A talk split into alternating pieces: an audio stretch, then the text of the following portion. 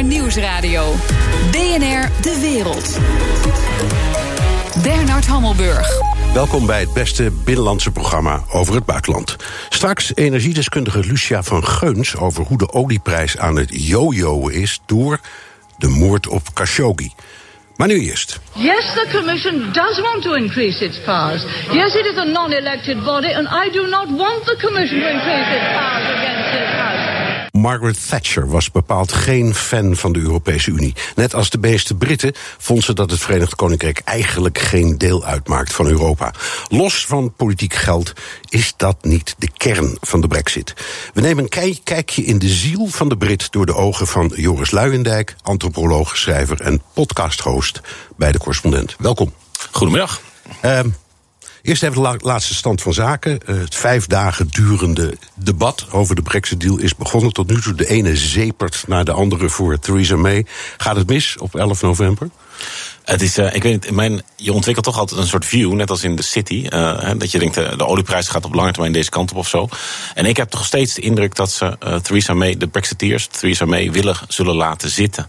Tot de, de, finish, tot het moment dat de Brexit officieel is en niet meer kan worden teruggedraaid. En daarna is, is alles weer open. Maar als ze haar laten vallen, dan lopen ze ook het risico dat de Brexit helemaal niet doorgaat. Dus, maar ja, van de andere kant, dit suggereert dat ze rationeel plannen. En dat de afgelopen drie jaar terugkijken deden ze dat ook niet. Nee. Um als het uh, niet lukt, is het dan May Way of the Highway? het, is, ja, het is zo open. Weet je, je hebt dus, eh, laatst zei iemand in mijn Twitter-feed. En mijn Twitter-feed uh, is. Uh, ik volg alleen maar Britten over Brexit. Er stond de enige persoon die ik volg die niet over Brexit tweet, is Jeremy Corbyn. De leider van de oppositie. Je hebt dus niet alleen Theresa May, je hebt ook nog eens de oppositie die gewoon eigenlijk doet alsof ze met iets anders bezig zijn. Ja. Aan armoede. Jeremy Corbyn stelde vragen over het armoederapport van de Verenigde Naties. tijdens Prime Minister's Questions. Dat je echt denkt, de, allerlei mensen leven op volledig andere planeten. Maar die planeet waar ze uiteindelijk toch fysiek op zitten, die is, wel, die, die is op een collision course. Die, die, die dreigt op een hele harde muur te stuiten eind maart als de Brexit officieel wordt. Even een open deur. Uh, iedereen heeft het daar steeds maar over. Maar weten de Britten wat Brexit betekent? Het klinkt heel stom, maar ik, ik, lees elke dag, net als jij natuurlijk, al die Britse kranten. En ik heb de indruk vaak dat ze het niet precies weten. Nee, en zo konden ze ook hier uh, terechtkomen. Want uh, tot het referendum hebben ze op geen enkele manier serieus gekeken naar wat Brexit nou echt zou inhouden. En ze werden in slaap gesust door de Brexiteers. Die zeiden van, nou, we kunnen gewoon alle voordelen van de club houden. Maar we hoeven niet langer contributie te betalen. We kunnen, hoeven ons ook niet meer aan de regels te houden. Maar als we nog willen tennis en douchen, kan dat gewoon. Want die, wij zijn zo speciaal. Die, die Europeanen willen ons erbij, want we zijn gewoon hartstikke gaaf. Ja. En, en de Britten vonden, en dat vinden ze eigenlijk, daar wil ik wat uitvoerig over hebben, ons ook eigenlijk gierige, bemoeizuchtige, macht- en geldbeluste Europeanen. Ja. Uh, en wij doen steeds maar alsof we het beste met die Britten voor hebben. ja, er is natuurlijk geen wij en er is geen de Brit in dat opzicht. Er zijn, dat, is hele, hele, dat is het leuke aan de Britse publieke opinie... is dat, het, dat die veel duidelijker geschakeerd is dan bij ons. Men, men voert daar mede door de, die skepsis, al 30 jaar heel scherp op het scherpst van de snee debatten. Dus als je ook echt steekhoudende kritiek op de EU wil lezen, op de euro wil lezen, dan moet je naar de, groot, uh, dan moet, dan moet je naar de Britten. Je hebt daar dus ook heel veel mensen die bijvoorbeeld voor de EU zijn, maar tegen de euro. Dan wel dat je denkt, nou, daar hadden wij misschien wat beter naar kunnen luisteren. Ja. Uh, begin jaren 90. Ja. Dus het is ja. Tony Blair, die uiteindelijk zei: ik doe het niet. Nou ja, en Gordon Brown die hem daarvan afhield. Omdat Gordon Brown wat meer wist van economie. En Tony, die, uh, die, ja, die, die, was, die was toen ook uh, een budget director of minister van Financiën. Ja, precies. Ja. Um, even over uh, het gevoel, want daarover wil ik graag met je praten, van de Brit. Mijn beeld leg ik aan je voor. Cameron, toen hij premier was, die liep in Brussel de deur plat met de volgende boodschap: Ik heb een probleem. De tweede taal in Engeland en Wales is Roemeens. Inmiddels, of Pools. Pools inmiddels is het Roemeens. Um, en ik heb jullie hulp nodig. En dan zeiden ze: Ja, sorry jongen, maar uh, vrij verkeer van mensen, goederen kunnen we niks aan doen. Dan zei hij: Dat weet ik wel, maar ik heb een probleem. En ik heb jullie hulp nodig. Is het zo dat de Britten om die kwestie uiteindelijk, de, de, de voorstanders, de Brexiteers, dat het daar uiteindelijk om ging? Daar is nog steeds eigenlijk geen consensus over. Wat nou de, de, of, er, of er een doorslaggevende factor was. Maar als je kijkt naar wat is de beste voorspellende factor. Als je wil weten of iemand voor Brexit heeft gestemd. Dat is niet leeftijd, dat is niet opleidingsniveau, dat is niet uh, regio. Het is of je, bent, of je voorstander bent van de doodstraf. Oké. Dus maakt niet uit of je nou rijk of arm bent, jong of, jong of oud, of je in het noorden woont of het zuiden. Als je voor de doodstraf bent, was je voor Brexit. Het zijn van die heerlijke data. eh, Ja, da- en, da- en- en fun kun, je, kun je daar een conclusie aan verbinden? Nou, het, nou ja, mo- moeilijk. Maar over het algemeen zijn eh, mensen die voor de doodstraf zijn, die, dat zijn, eh, die hebben een autoritaire persoonlijkheid. Die geloven in, in, in een, in een streng, strenge vader als leider. eh, en, en veel minder in overleg en samenwerking. En veel meer in concurrentie en strijd en individuele verantwoordelijkheid. Ja. Dus, maar, maar ik denk, ja, wat. wat wat de Britten nooit hebben willen zien, is dat de Europese Unie is, is één economie aan het worden. Is aan het proberen één economie te worden. Zoals ooit Nederland één economie is. Um, en als je daar opeens dus allerlei uitzonderingsvoorwaarden uh, ja, gaat introduceren voor één land. Dan zullen andere landen zeggen, ja nou wij, wij, willen wel, wij willen graag lid blijven, maar we hebben ook nog wel een paar wensen. Nou dan krijg je een onwerkbare hoeveelheid regels. En we hebben al zo ontzettend veel Ja. regels. Dus, grote, dus de, de Europeanen zeiden, daar kunnen we echt niks voor je doen. En, en, Nou ja, ja, maar dat was, ik, ik vraag het omdat. Het is ook wel zo. Formeel had de EU ook wel gelijk. En toch denk ik, daar hebben wij een fout gemaakt. We hebben niet goed geluisterd. Nog, nog, nog iets anders. Eh, eh, toen eh, Groot-Brittannië lid wilde worden. In, in eh, begin van de jaren 60 en, en, en daarna in 67 nog een keer. Heeft de Gaulle twee keer een veto gebruikt. En pas in 73 is het gelukt. Eh, dus wij wilden die, die Britten er ook helemaal niet bij. Nou, Nederland wel, hè? Nederland heeft Nederland het begin wel. geprobeerd om Ja. ze erbij te halen. Ja. Omdat wij on- onze belangen vaak zo overlappen. Ja, en wij herinnerden ons William en Mary. Dus we dachten, het zijn, we zijn toch ergens broer en zus of wat dan ook. Maar goed, het, het grootste deel, de founding fathers, die, die, die voelden er geen donder voor. Vooral de Fransen. Nee. En het gevolg daarvan is dat de Britten steeds het gevoel hebben gehad... en naar mijn idee terecht, al die jaren door... wij komen niet door die Frans-Duitse as heen. nee. Is dat ook in de ziel van de Brit een factor geweest? Ja, waarbij je van de andere kant moet zeggen dat ze er ook niet doorheen willen. Dus je had die herdenking van de Eerste Wereldoorlog laatst. Nou, daar stond uh, de hele Europese elite, behalve Theresa May, want die had haar eigen herdenking. Als je naar Ypres gaat, waar in de Eerste Wereldoorlog België, ja. in België die Ja. slagvelden. Dus na de Tweede Wereldoorlog is er bewust voor gekozen dat nooit meer de, uh, de, de strijdende partijen los van elkaar herdenken. Omdat je niet wil dat dat wordt gekaapt door nationalisten. Dus de Fransen en de Duitsers altijd samen. Ze nodigen altijd de Britten uit en de Britten komen nooit. Nee. Kijk, zij hebben een andere ervaring, ook in de Tweede Wereldoorlog. Als wij naar nationalisme kijken, dan denken we... door nationalisme kregen we Hitler. Als de Britten naar nationalisme krijgen, kijken, dan denken ze... dankzij nationalisme hebben we van Hitler gewonnen. Want on- vanwege onze sterke nationale solidariteit... hebben we die strijd aangedurfd met de hunne. Zoals ja. de Duitsers ja, ja, ja, ja, precies. En zoals wij ze de moffen noemen. Ehm, maar goed, het, het, het, het gaat mij om eh, nog steeds de zielsberoerselen. Als je een ehm, pistool op een borst zet van een Brit en zegt: vergeet de hele voorgeschiedenis, je hoort nergens bij. En, maar je moet ergens bij horen, dat eis ik nu van je. Waar willen ze dan bij horen? bij het British Empire van 100 jaar geleden. Ja, maar dat is er niet meer. Dat, dat, zeggen ze, dat is er Nee, wel. nee. Dat komt door die Oh, stomme ik vraag het omdat ik, ik kom met regelmaat eh, in, in Londen. En eh, ik, heb dus, ik heb twee woonplaatsen, New York en, en, en Nederland. En dan kom ik bij een relatie en die vraagt dan altijd... kom je nou net uit New York of uit Europa? Ja. En dan zeg ik altijd, Europa, dit is Europa. Oh ja, sorry, sorry, sorry. sorry. Ik, en, en, en hij zegt, als je mij dat pistool op de borst zet... dan willen we bij de Verenigde Staten horen. Ja, ja, en dat, dat verschilt weer heel sterk per persoon en per regio. Maar het is ook wel zo dat Amerikaanse cultuur op dit moment eh, nou ja, al, al zoveel decennia dominant is. En het is wel zo dat ook de hele culturele elite van Groot-Brittannië staat met zijn rug naar Europa toe. En kijkt naar de Verenigde Staten. Eh, eh, want ja, daar is natuurlijk ook je groeimarkt. Je, schrijft, je, schrijft en spreekt al in het Engels. Nou, dan kan je daar, daar je toneelstukken kwijt, je films en zo. Ze zijn ook gewend dat hun acteurs allemaal Oscars krijgen. En zo. Die, doen, die doen ook mee voor Oscars. Wij doen mee in de categorie buitenlandse film. Ja. Uh, en, uh, en daar is toch wel. Ja, dat, dat zit er wel heel diep in. Van de andere kant, uh, wij zijn bijvoorbeeld rond vuurwapenbezit, zijn zij totaal Europees. rond hun steun voor het, het algemeen toegankelijke zorg. Het idee dat ieder mens recht heeft op medische zorg, wat in Amerika totaal controversieel is. Nou, dat is in Groot-Brittannië totaal niet controversieel. Nee. Dus ze, zijn, ze zitten er nou, niet, niet tussenin, maar ze hebben van allebei wat. En als het goed gaat met het land, dan hebben ze het beste van beide. En als het slecht gaat, hebben ze het slechtste van beide. Op dit moment hebben ze echt het slechtste van beide. Ja. Um, we zien dat uh, de, zelfs de president van de centrale bank in uh, Groot-Brittannië de kant kiest. Uh, en verdoemenis predikt bij een no-deal. Kun je, en dat is de president van de centrale bank, die moet neutraal zijn, die moet objectief ja. zijn. Kun je zeggen dat er geen neutraal, normaal, verstandig mens meer over is in deze discussie? Ja, dat kan je over de hele wereld zeggen. Al sinds de schepping. Het, uh, nee, maar kijk, de, de, de baas van de centrale bank die moet prognoses geven van wat hij denkt dat er gebeurt als, als de Groot-Brittannië de EU uitkukelt zonder deal. En ja, zijn, zijn modellen, de mensen met wie die praat, die zeggen van nou, dan waarschijnlijk zo'n 30% daling van de, de huizenprijzen, et cetera, et cetera. Dat wordt vervolgens door de voorstanders van een harde brexit, wordt dat, wordt dat voorgesteld als nou ja, project hysterie. In plaats van project angst, project hysterie. het, is, het is wel zo dat in ieder geval de brexiteer pers de onafhankelijkheid van alle instituties niet meer respecteert. Dus niet meer van de rechterlijke macht, niet meer van de centrale bank, niet meer van de wetenschap. Zodra daar iets van uitkomt dat hen niet uitkomt, dan roepen ze stelletje partijdige, partijdige monsters. En wie noem je dat? The Guardian? De, de, nee, dat is de, de pro-Brexit pers. Is ja, dus, uh, The Sun. De Sun, de, Daily Mail, de Daily, de Mail on Sunday.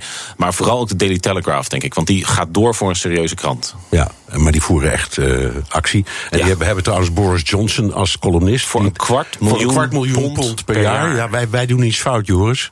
ja, toch? Jij misschien, je weet niet hoeveel ik hiervoor nee, krijg. Nee, dat is waar. Een hele chocoladeletter. Ja, zo is dat. Zo dadelijk. Een glorieus Europa zonder de Britten. Of gaan we ze missen? BNR Nieuwsradio.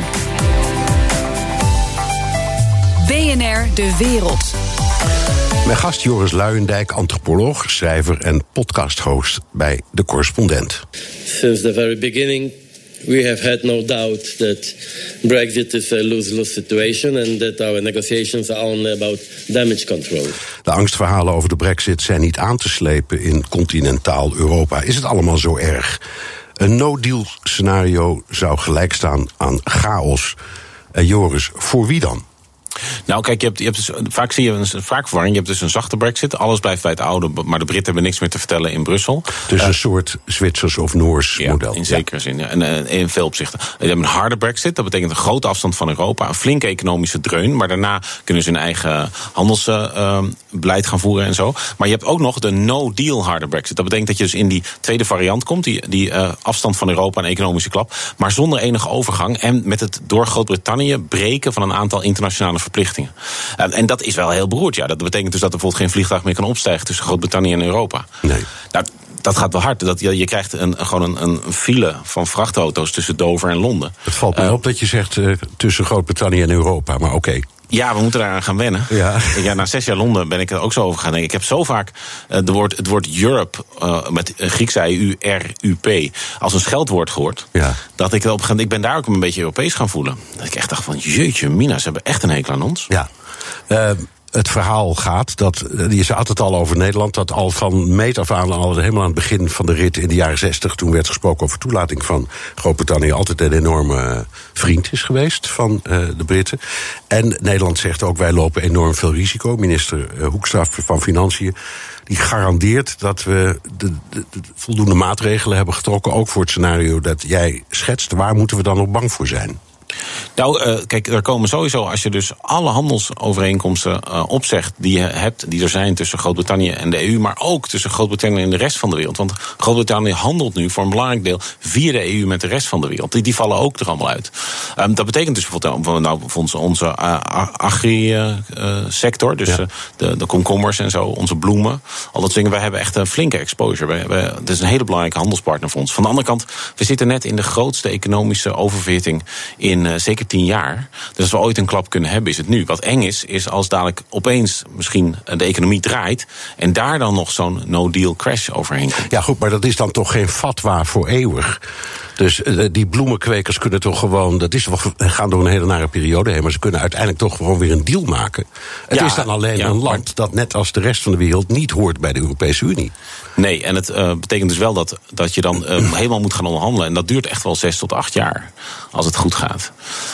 Dus dat is echt nog niet zo makkelijk. Dat duurt werkelijk enorm lang. En nu vanuit het Britse perspectief, geen bloemen meer, misschien geen uh, uh, goudse kaas.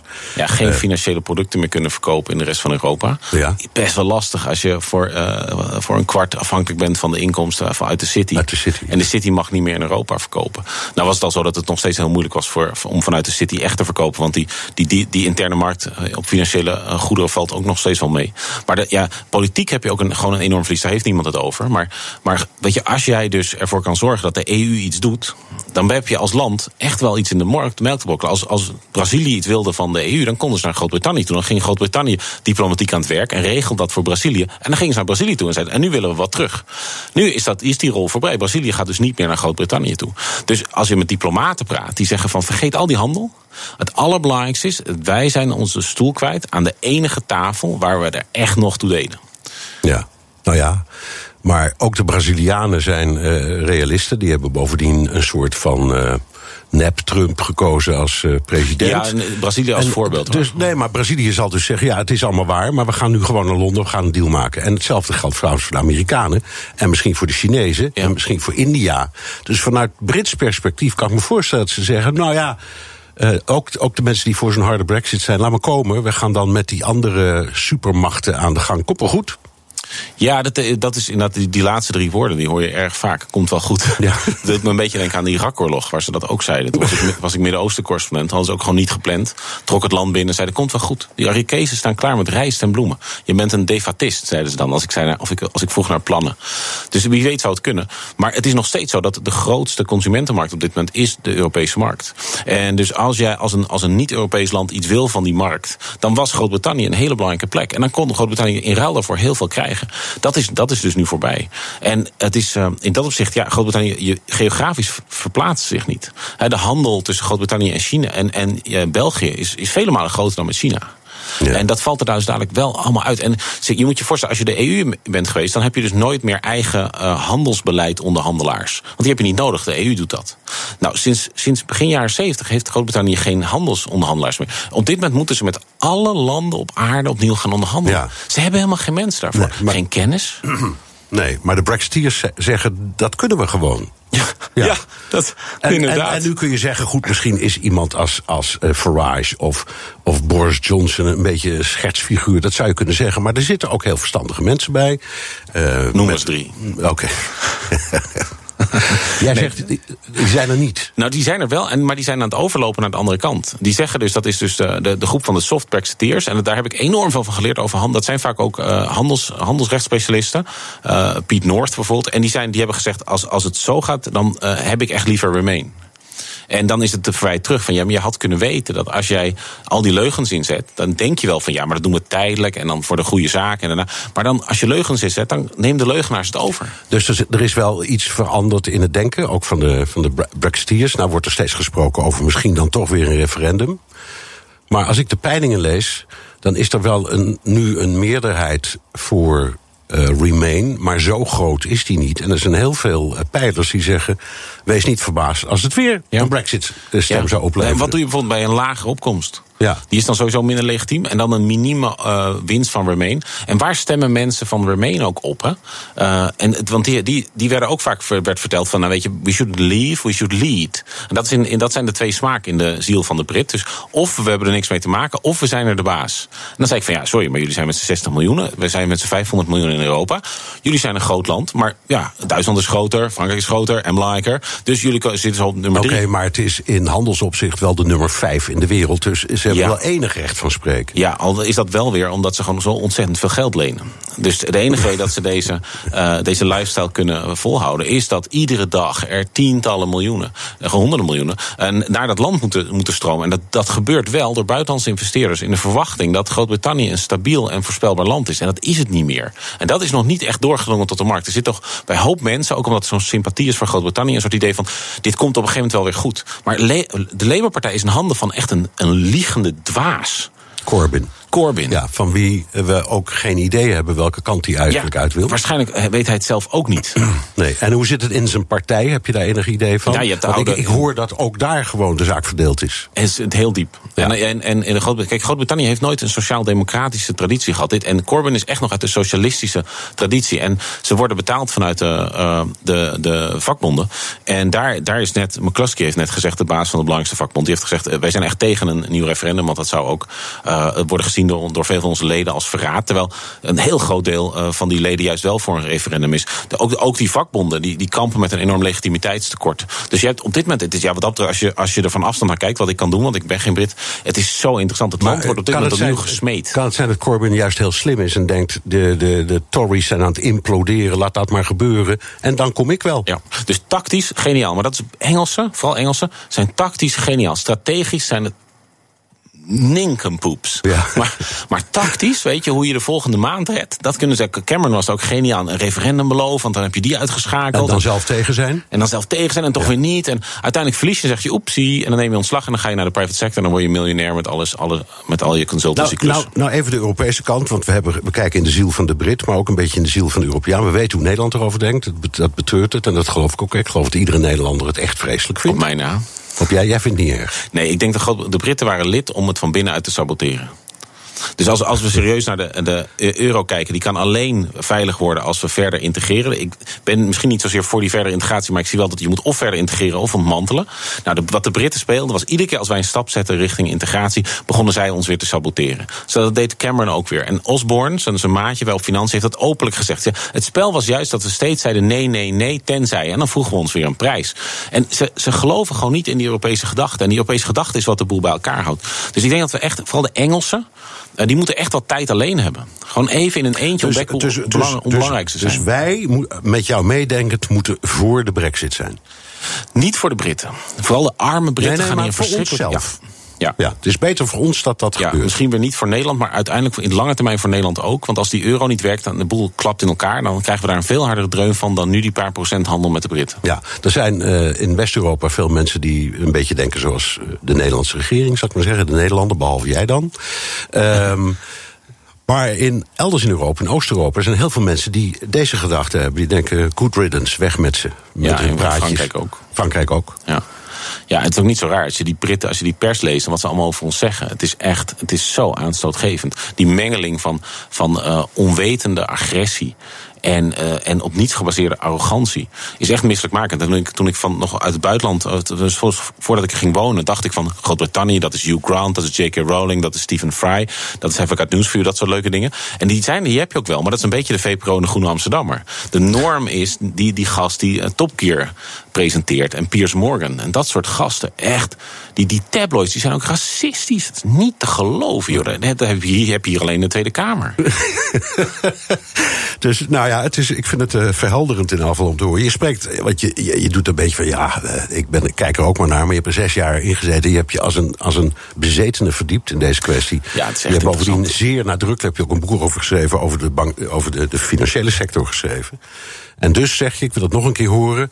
Good riddance, het goed voor ons Europeanen dat die mensen met al hun zielenbroers compleet gewoon verdwijnen. Ja, en waarbij ik wel weer hoop dat als de Engelsen beseffen hoe irrelevant ze zijn geworden in een eentje, dat ze daarna terugkomen en, en dan weer doen wat ze een tijd lang toen ze constructief waren, en ook nog onder Thatcher, waar ze zo goed in waren. Namelijk dat ze echt kritisch zijn. Want wat nu gebeurt, is dat die Brexiteers maken er zo'n puin op van dat de brand van echte, reële kritiek op, op Europa, die wordt eigenlijk nu vergiftigd. En vroeger hadden de Britten dat ook. Britten hielden ons een spiegel voor van kijk eens, dit en dit en dit. Mooie praatjes in Brussel, maar het klopt niet. En nu neemt niemand de Britten meer serieus. Maar die kritiek die is nog steeds terecht. De goede kritiek. Dank, Joris Luijendijk, antropoloog, schrijver en podcasthost bij De Correspondent. Nieuwsradio. BNR De Wereld. Bernard Hammelburg. Het is aan 1001 Duitse christendemocraten om de koers van heel Europa te bepalen. Want morgen kiezen ze in Hamburg een opvolger voor Angela Merkel als partijvoorzitter. Omdat deze functie slechts één treetje verwijderd is van het kanselierschap, let heel Europa op. Europa-verslaggever Jasse Pinster. Het toebedelen van deze functie wordt meestal achter gesloten deuren, deuren gebeurd. En dit keer gaat dat dus anders. Ja, het is eh, voor het eerst sinds begin jaren 70 uh, dat er meerdere kandidaten zijn waar ze uit kunnen kiezen. En die ene keer begin jaren 70, dat was ook gelijk de enige keer dat er meer kandidaten waren. Dus ja, dit is toch wel een unicum. Uh, nou ja, net geen unicum dan eigenlijk. Dus dat hoor je ook een beetje terug in. Er was een documentaire hierover op Das Eerste, dus het belangrijkste tv-kanaal, Primetime, afgelopen maandag in Duitsland. Laten we even luisteren hoe ze de sfeer daar zetten. Dies ist eine Geschichte großer Hoffnungen, aber auch eine Geschichte großer Verletzungen. Möglicherweise sogar alte Rechnungen. Mein Name ist Friedrich Merz. Mijn naam is Annegret Kram-Karrenbauer. Ich bin Jens Spahn. Het gaat dus zelfs over het verrekenen van oude openstaande rekeningen. Je hoorde ook even de namen van de drie kandidaten voorbij komen. Jens Spaan als laatste, die kunnen we gelijk even vergeten. Die maakt heel weinig kans. De vraag is eigenlijk, willen ze continuïteit met Annegret Kramp-Karrenbauer... die het partij echt in het midden wil houden... waar Angela Merkel die partij een beetje naartoe gedwongen heeft, het CDU... of rekent de partij echt af met het tijdperk uh, Merkel? Keert het terug naar ja, een plek iets rechts van het midden... met uh, Friedrich Merz. En dan zou het ook wel eens snel afgelopen kunnen zijn met Merkel. En ja, dan heb je dus het over de richting van de partij, maar daarmee ook de richting van het land en wellicht ook de richting van de Europese Unie. Ja, inmiddels mengen zich ook de mastodonten van de partij zo met de strijd? Ja, Schäuble, de voormalig minister van Financiën, nu voorzitter van het parlement, is al heel lang een goede vriend van Merz. En die heeft inderdaad gezegd in een kranteninterview dat dat de beste kandidaat voor het hele land zou uh, zijn. Nou hebben deze beide heren ook, daar zijn ze weer, die openstaande rekeningen met uh, Angela Merkel nog. Want dat is toch een beetje de vrouw die hun van de toppositie afgehouden heeft in de afgelopen decennia. En uh, daar reageerde dan een andere mastodont vandaag weer venijnig op. Altmaier, Peter Altmaier in de Rijnische Post is nu minister van Economische Zaken. Die zegt, nu is de dam gebroken. Dus eigenlijk, uh, ja, hij zegt van nu bemoeien we ons als mastodonten met hoe er gestemd moet gaan worden. En dat kan toch niet de bedoeling zijn. En uh, nou ja, toch mengt hij zich erin en spreekt hij zich uit voor Kramp Karrenbauer. En ja, dat is een beetje de vrees die onder deze hele discussie loopt. Dat dit, ja, het is zo nieuw voor die partij als je het sinds de jaren zeventig niet meer gedaan hebt. Dat het de partij kan beschadigen misschien wel in tweeën kan delen. Of dat gevaar er nou echt is. Maar wie zijn nou de mensen die uiteindelijk beslissen wie partijvoorzitter wordt? Ja, die duizend en één. Er zijn er uh, duizend uh, gedelegeerden die komen van alle nou ja, afdelingen van het CDU in Duitsland. Dus heel Duitsland behalve Beieren. Want daar hebben ze natuurlijk die andere partij zitten. En uh, ja, toen was ik heel benieuwd waar die ene dan precies vandaan komt. Ze hebben ook kantoren buiten Duitsland. En als die ja, groot en belangrijk genoeg zijn, mogen ze ook iemand sturen. Nou, er is één buitenlands kantoor wat belangrijk genoeg is. En dat is in Brussel. Dus daar komt die duizend en eenste vandaan. En uh, ja, zij gaan bepalen wie dus die, ja, eigenlijk ook misschien wel de nieuwe bondskanselier gaat worden. Al moet je er toch altijd een beetje rekening mee houden dat ja, als twee honden vechten, dan wil er wel eens een derde aankomen lopen. Ik zag wat gespeculeer over de Armin Laschet. Dat is de minister-president in Noord-Rijn-Westfalen, belangrijke deelstaat, dat die nou, een beetje achterover leunt en zit te wachten tot hij zijn kans kan grijpen. En hoe gaat het intussen met de vertrekkende partijleider, bondskanselier Angela Merkel? Ik heb het gevoel dat ze een beetje bevrijd is. Dat is wat haar partijleden ook nu zeggen, dat er eindelijk discussie binnen de partij is. Maar voor de bondskanselier lijkt er ook een beetje een juk van haar schouders te zijn. Het viel me vooral op toen er een discussie in het parlement was over het VN-migratiepact. Dat ze daar zeer fel uh, in was, maar het gaat ook de andere kant op. Dus dat ze nou, een beetje losse uitspraken doet zoals deze. Het had me een grote shitstorm ingebracht, deshalb wil ik dat jetzt niet einfach ja, De Duitse bondskanselier die het woord shitstorm in de mond neemt, dat valt al snel op uh, in Duitsland. Was omdat ze, ja, ze reageerde op uh, in 2013. Toen heeft ze uitgezegd: ja, dat, dat internet, dat uh, snappen we allemaal nog niet. Internet is voor ons alle Neuland. Ja, een nieuw land. En, en nu refereerde ze eraan van dat ze toen een shitstorm om, over zich heen kreeg. Dus nou ja, misschien is ze wel blij dat ze een beetje de handen vrij heeft. En morgen om drie uur weten we wie na 18 jaar voorzitterschap Moetie Merkel gaat opvolgen. Dankjewel. Europa-verslaggever Jesse Pinster. The Donald Show. Tijd voor een update over de United States of Trump met Jan Postma, onze correspondent in Washington. Jan, de uitvaart van uh, George Bush senior was natuurlijk het belangrijkste moment van deze week in Washington. En daarbij speelde ook Trump een rol. Jazeker, want het, het, is toch wel moeilijk om alle lof uh, die, die, Bush senior kreeg... om die los te zien van, van de huidige president. Uh, overleden presidenten worden natuurlijk altijd met lof overladen. Uh, naast politicus zijn ze ook ja, staatshoofd. Er zit veel nationale trots in voor Amerikanen. Maar ik merkte dat zowel in de media als op straat hier in Washington... beide natuurlijk absoluut niet representatief voor het hele land, zeg ik er even bij. Maar daar merkte ik wel een soort Bush-nostalgie.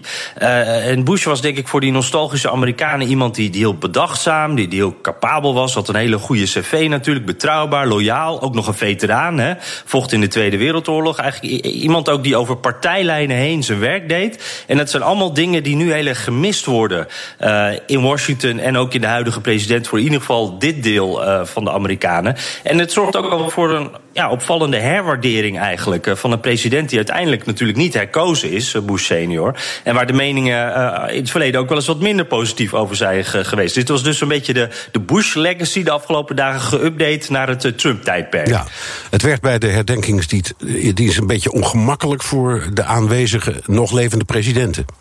Ja, inderdaad. Die, zaten allemaal op, op de eerste rij. De, de President's Club, altijd een bijzonder gezicht. Uh, maar het was ook uh, ja, een rijtje voormalig presidenten... waar de huidige president natuurlijk altijd nogal ja, uh, duidelijk zijn eigen mening over gaf. Trump die, die zat naast de Obama's. volgens Trump de, de slechtste president ooit. waarover Trump ook heeft beweerd natuurlijk... dat Barack Obama niet in de VS is geboren... dus nooit president had mogen worden. De Clintons, nou, lock her up. Bill Clinton, een vrouw Uh, Carter was er ook. De één na slechtste president ooit volgens uh, Trump. Dus uh, ja, je kan je voorstellen, stel dat je een verjaardagsfeestje binnenkomt en je hebt deze dingen gezegd over de mensen om je heen. Dat wordt een beetje ongemakkelijk.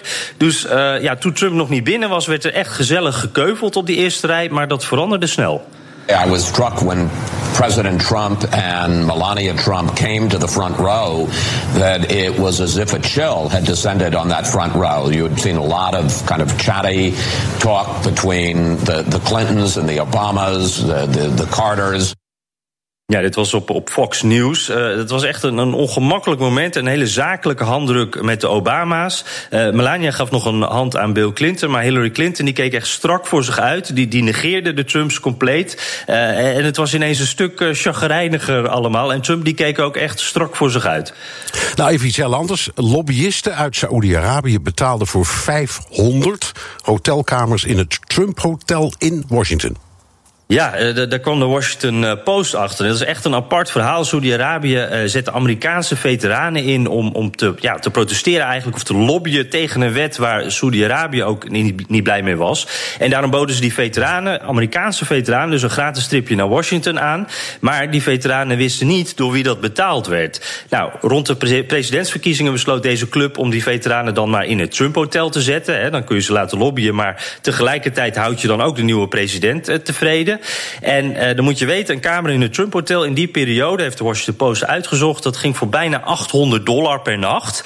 Uh, dus als ze allemaal één nacht daar gezeten hebben, dan was dat 385.000 dollar wat is uitgegeven. En dat is natuurlijk geld uit Saudi-Arabië. En een president mag geen geld van buitenlandse mogendheden aannemen. En ja, dat is die Foreign Emoluments Clause. en er lopen nu verschillende onderzoeken naar Trump-bedrijven. En ja, dat wordt alleen nog maar meer natuurlijk als in het nieuwe jaar ook de Democraten het Huis van Afgevaardigden in handen hebben. Dus hier gaan we nog meer van horen. Dankjewel, correspondent Jan Posma vanuit Washington. En zo dadelijk hangt de wereldolieprijs af van Jamal Khashoggi. Zo dadelijk energiedeskundige Lucia van Geuns. BNR Nieuwsradio. BNR De Wereld. Het oliekartel OPEC maakt zich zorgen over zijn toekomst. And OPEC nations are, as usual, ripping off the rest of the world. And I don't like it. Nobody should like it. In Polen vergadert de wereld over klimaatverandering en nieuwe energie. Maar even verderop in Wenen komen de oliereuzen van de OPEC, zoals Saudi-Arabië, bibberen samen om hun economische infuus zeker te stellen. Hun grote angst? Trump. Ik praat erover met Lucia van Geuns, energieadviseur bij het Haags Centrum voor Strategische Studies. Welkom. Goedemiddag. Uh, de 15 leden van de OPEC zijn bijeen in Wenen en ze piepen, want er is nu te veel olie op de markt, vinden ze. Uh, Saudi-Arabië heeft al gezegd, nou ja, misschien draaien we dan de kraan een beetje dicht, maar de meeste mensen daar zeggen dat, de vraag is of ze dat echt doen. Maar hoe komt het? Hoe, hoe, wie bepaalt nou dat er te veel of te weinig is? Nou, op de, de afgelopen maanden heeft er wel iets plaatsgevonden. Ten eerste, natuurlijk, per begin november zouden de uh, maatregelen tegen de sanctiemaatregelen, de unilaterale sanctiemaatregelen van de Verenigde Staten tegen Iran van kracht zijn. Dat is uh, uiteindelijk niet echt uitgevoerd. In die zin dat die hoeveelheid olie die Iran exporteert eigenlijk nog steeds wordt geëxporteerd, omdat een heleboel landen zijn vrijgesteld door de VS met betrekking van de import, met betrekking tot de import van uh, um, Iranese olie. En dat betekent dat eigenlijk Saudi-Arabië en Rusland, die daar een beetje op hadden voorgesorteerd door meer te gaan produceren, dat was vooral in de maanden augustus, september, oktober. Uh, dat je er nu een markt krijgt, dat er veel te veel markt, olie op die markt is. En er dus eigenlijk te veel wordt geproduceerd, terwijl de vraag daarbij achterblijft. Ja, nu, nu was, laten we zeggen, het frame, zoals dat tegenwoordig heet, bij de beslissing van Trump dat een aantal landen die uitzonderingspositie kregen, omdat die uh, er niet goed buiten konden. Zoals dat vroeger ook is gebeurd met Griekenland en ik geloof zelfs met Nederland een keer bij vroegere sancties. Ja, het zijn was, nu vooral. Was, was het nou echt zijn bezorgdheid dat die landen in de problemen zouden komen? Of was dit eigenlijk zijn beleid? Was dit van tevoren gepland? Het lijkt, Ja, het zou- lijkt op sancties, maar het zijn het niet echt. Ja, het, zou- het, is, zou een hele slimme move zijn als het ook zo zou zijn eh, eh, eh, bedacht. Al met al is het een samenloop van omstandigheden. Uiteindelijk is, is Trump en ook daarom zijn achterban, eh, eh, vooral ook de eh, Amerikaanse consument, erbij gebaat dat die olieprijs laag is. Hoe lager, hoe beter. Dus dat is uiteindelijk wel de uitgangspositie van de Verenigde Staten en met name van de politiek van Trump. Maar al met al, als je nu kijkt naar de OPEC-landen, die zijn natuurlijk niet blij met een te lage prijs. Want als die markt niet op een, een of andere manier meer wordt gebalanceerd met betrekking tot vraag en aanbod, dan kan het zelfs, dan kan ook zelfs de vloer eruit vallen. In die zin de prijsvloer. En dan krijgen zij erg veel eh, zeg maar, financiële pijn in de verschillende landen. Praat je met name over Saudi-Arabië, maar ook Iran, Irak, omdat ze zo afhankelijk zijn van hun inkomsten met betrekking tot, eh, tot de uitvoer van olie. Ja, ik heb die vraag wel eens eerder aan u gesteld, maar hij komt nu toch weer in me op. Het- er is objectief, als je kijkt naar de, de, de theorie van, eh, van de economie, dat gaat over schaarste. Dus iets is er of iets is er niet. Maar in dit geval is dat niet echt het geval. Die olie is er. Alleen, alleen met een trucje kun je zeggen: ik zet de kraan wat verder open of, of weer wat verder dicht. Dat Ja. is dan toch gewoon kunstmatig gecreëerde en dus geen echte schaarste. Nee, er is ook geen schaarste. Ik bedoel, economie bestaat bij de gratie van schaarste, zoals je eh, eh, zegt. Eh, maar die, die schaarste is er op nu, nu niet. Er is te veel olie. En dat betekent dat uiteindelijk voor relatief goedkoop die olie kan kopen op de markt. En die schaarste wordt gecreëerd door een organisatie zoals OPEC, die, er, die daarbij gebaat is dat de, dat de olieprijs relatief hoog is. Althans zo dat hun economie, maar ook de wereldeconomie daar baat bij heeft. En tegelijkertijd dat die ook een langere tijd stabiel is. Ja. En dat hij niet te veel jojoot zoals u het op dit moment doet. Ja, eh, u zei net, eh, eh, heel belangrijk is voor de achterban van Trump dat de olieprijs laag blijft. Dat heeft ook te maken met benzine. En als je kijkt naar dunbevolkte grote staten, dan begrijp je dat ook. Want die mensen die zitten uren en uren in de auto om hun kinderen naar school te brengen. Is er een samenhang met eh, die eh, affaire van de moord op eh, Khashoggi, die journalist? Omdat de indruk bestaat dat Trump eigenlijk niet tegen Saudi-Arabië zegt wat hij zou willen of kan, omdat hij wordt gegijzeld door zijn, ja, zijn eigen loyaliteit aan Saudi-Arabië en andersom, die kroonprins die ook weer lo- loyaal moet zijn aan Trump. Ja, dat klopt. Kijk, eigenlijk heeft nu Trump best wel een, eh, een, een troefkaart in handen. Er, is, er is nu druk van Trump om die prijzen laag te houden ten opzichte van Saudi-Arabië. Omdat eh, Trump, althans in zijn manier van denken, zegt van ja, luister eens, eh, je bent me iets verschuldigd. Ik heb eigenlijk die moord een beetje door de vingers gezien. Het is wat dat betreft nog gewoon business as usual eh, tussen Saudi-Arabië en, eh, en, en Amerika. Als je praat over hun economische ehm, transacties. Dus hij zegt van ja, luister eens, maar ik heb je hier uit de wind ge- ge- gehouden. Zorg maar dat je niet te veel olie uit die markt haalt. Hè, oftewel een deal, een deal die er op dit moment wordt besproken met betrekking tot productiebeperking in, tijdens de OPEC-meeting in, in, in Wenen. Die wordt daar wel degelijk door beïnvloed. En de eerste geluiden die we nu al uit Wenen krijgen, is dat, dat eigenlijk Saudi-Arabië niet van plan is om meer dan zeg maar een miljoen vaten uit de, uh, uit de, product, uit de productie te nemen. Nee, en, en dat, is is- eigenlijk te weinig uh, om die markt. Ja. Dat is symbolisch en dat is eigenlijk te weinig om die markt weer is zeg zeg maar binnen een bandbrede van 60, 70 of tussen de 60 en 80 dollar met betrekking tot de olieprijs te krijgen. En de, je ziet dat de markt hier al erg nerveus van wordt. En, en vanmorgen is zelfs de olieprijs weer onder de 60 dollar gezakt. Ja, dat is natuurlijk ook, denk ik ook, eh, Rusland en de Verenigde Staten zijn ook gigaproducenten. Dus je zou kunnen, voor Rusland is het vervelend, lijkt mij. He? Ja, nou, het is natuurlijk zo. Rus, die, Rusland. Die, die hebben niet veel anders om te exporteren. Nee, maar Rusland komt er wel bij. Hè. De vergadering is vandaag alleen maar onder de OPEC-leden. Ja. En morgen komt, OPEC, uh, komt Rusland, dus dat noemen ze wel OPEC Plus. En Kazachstan, een aantal andere producenten, of uh, exporterende olie, olielanden daarbij. Die zijn al eigenlijk de afgelopen twee jaar helpen die OPEC eh, om, het, om de prijs te reguleren. En ze hebben met z'n allen zo ongeveer 40, 45 procent van alle olieproductie in handen. En, en Rusland is wel bereid om iets van olieproductie te beperken. Dat hebben ze vorig jaar, vorige week ook gezegd tijdens de G20-top. Maar niet te veel. En er worden onder andere argumenten gebruikt dat het wel eens kans is dat het een erg koude winter wordt. En ze hebben die olie domweg nodig voor hun eigen, zowel ja. interne economie en hun inkomsten. Ja, ik noemde ook even Amerika, want het is volgens mij op dit moment de grootste producent ter wereld. Als ja. die prijs daalt, dan, heeft, dan doet Trump zijn eigen achterban een plezier. Maar je zou kunnen zeggen, zijn eigen economie weer niet. Ja, dat is ook het ironische van dit hele spel, als je wilt. En hun eigen uh, olieproducenten, en dat zijn er honderden in uh, de Verenigde Staten van Amerika, die zijn ook gebaat bij een, een, een redelijke hoge uh, olieprijs, want dan zijn de winstmarges groot. En de winstmarges, met name in de schalieolie-industrie, die zijn maar heel, zijn flinterdun. En zelfs ook bij een bepaalde, zeg maar, hoogte van de olieprijs gaan zelfs negatief, komen negatief uit. Dus een heleboel olieproducenten in Amerika zijn helemaal niet blij met zo'n lage olieprijs. Nee, en die schaliebedrijven die, die zitten natuurlijk altijd met geknepen billen naar dit hele proces te kijken. Nou, absoluut, zeker. En tegelijkertijd heb, hebben ze ook problemen met het evacueren van hun, van hun uh, lichte olie naar, uh, naar, uh, naar delen waar de olie wordt geraffineerd. Dus dat, daar moet ook nog een hoop in worden geïnvesteerd. Ja. Dus al met al een lage olieprijs komt er niet goed uit. Even over een van de OPEC-leden, Qatar, is er uitgestapt of stapt eruit. het zegt, we gaan ons helemaal toeleggen op waar we echt goed in zijn en veel van hebben, namelijk vloeibaar gas. Um, is dat ook echt de reden of is het ook om Saoedi-Arabië terug te pesten? Want Qatar wordt getreiterd door Saoedi-Arabië. Ja, nu is natuurlijk OPEC een, uh, zegt geen politieke organisatie te zijn. En uh, ik bedoel, Iran en Saudi-Arabië zitten ook met elkaar aan tafel. En dat zijn ook niet echt vrienden. Nee. Uh, Qatar is een van de, of zo niet, de kleinste producent en exporteur binnen OPEC. Het is, produceert maar 2% van, van, van OPEC's output. En dat is bij elkaar ongeveer 600.000 vaten. Het, wil, het ziet eigenlijk geen voordelen meer in het lid zijn van OPEC. En het kan zo dan ook zelf bepalen hoeveel olie ze mogen exporteren.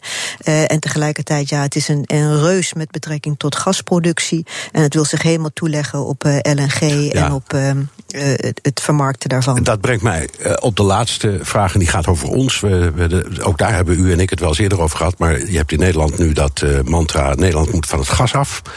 Uh, Qatar gaat veel meer exporteren. Amerika exporteert e enorm veel. Uh, Duitsland haalt enorm veel gas binnen uit uh, meer gas uit Rusland. De hele Europese Unie haalt geloof ik een derde van zijn gas uit, ehm, uit Rusland. Kijken we naar een sprookje als we die hele discussie in Nederland aanhoren? Nou ja, we worden en we zijn eigenlijk al importafhankelijk met betrekking tot gas. Het grootste deel van ons gas komt nu nog steeds uit Noorwegen. En natuurlijk ook nog voor een deel, wij spreken uit onze eigen kleine velden. En maar al met al, uh, er zullen meer importeurs moeten komen. Die zijn er ook al, onder andere Rusland. Uh, en LNG, want we hebben per ook een LNG-terminal. En, uh, en, en de toekomst zal uitwijzen wat, wat de, de voorkeurs, um, zeg maar, importeur gaat worden. Ja. En maar goed, de vraag, toe... is heel, de vraag is heel simpel kunnen we van het gas af? We roepen het wel, maar kunnen we het? Nou ja, kijk, op de langere termijn zeker. Maar op de, in de kort, op de korte termijn zijn wij afhankelijk van importgas. Ja, en dat blijft nog een tijdje duren. Ik vrees het wel. Ja. Dank, Lucia van Geuns, energieadviseur bij het Haag Centrum voor Strategische Studies. En tot zover BNR De Wereld. Terugluisteren kan via de site, de app, iTunes of Spotify. Tot volgende week.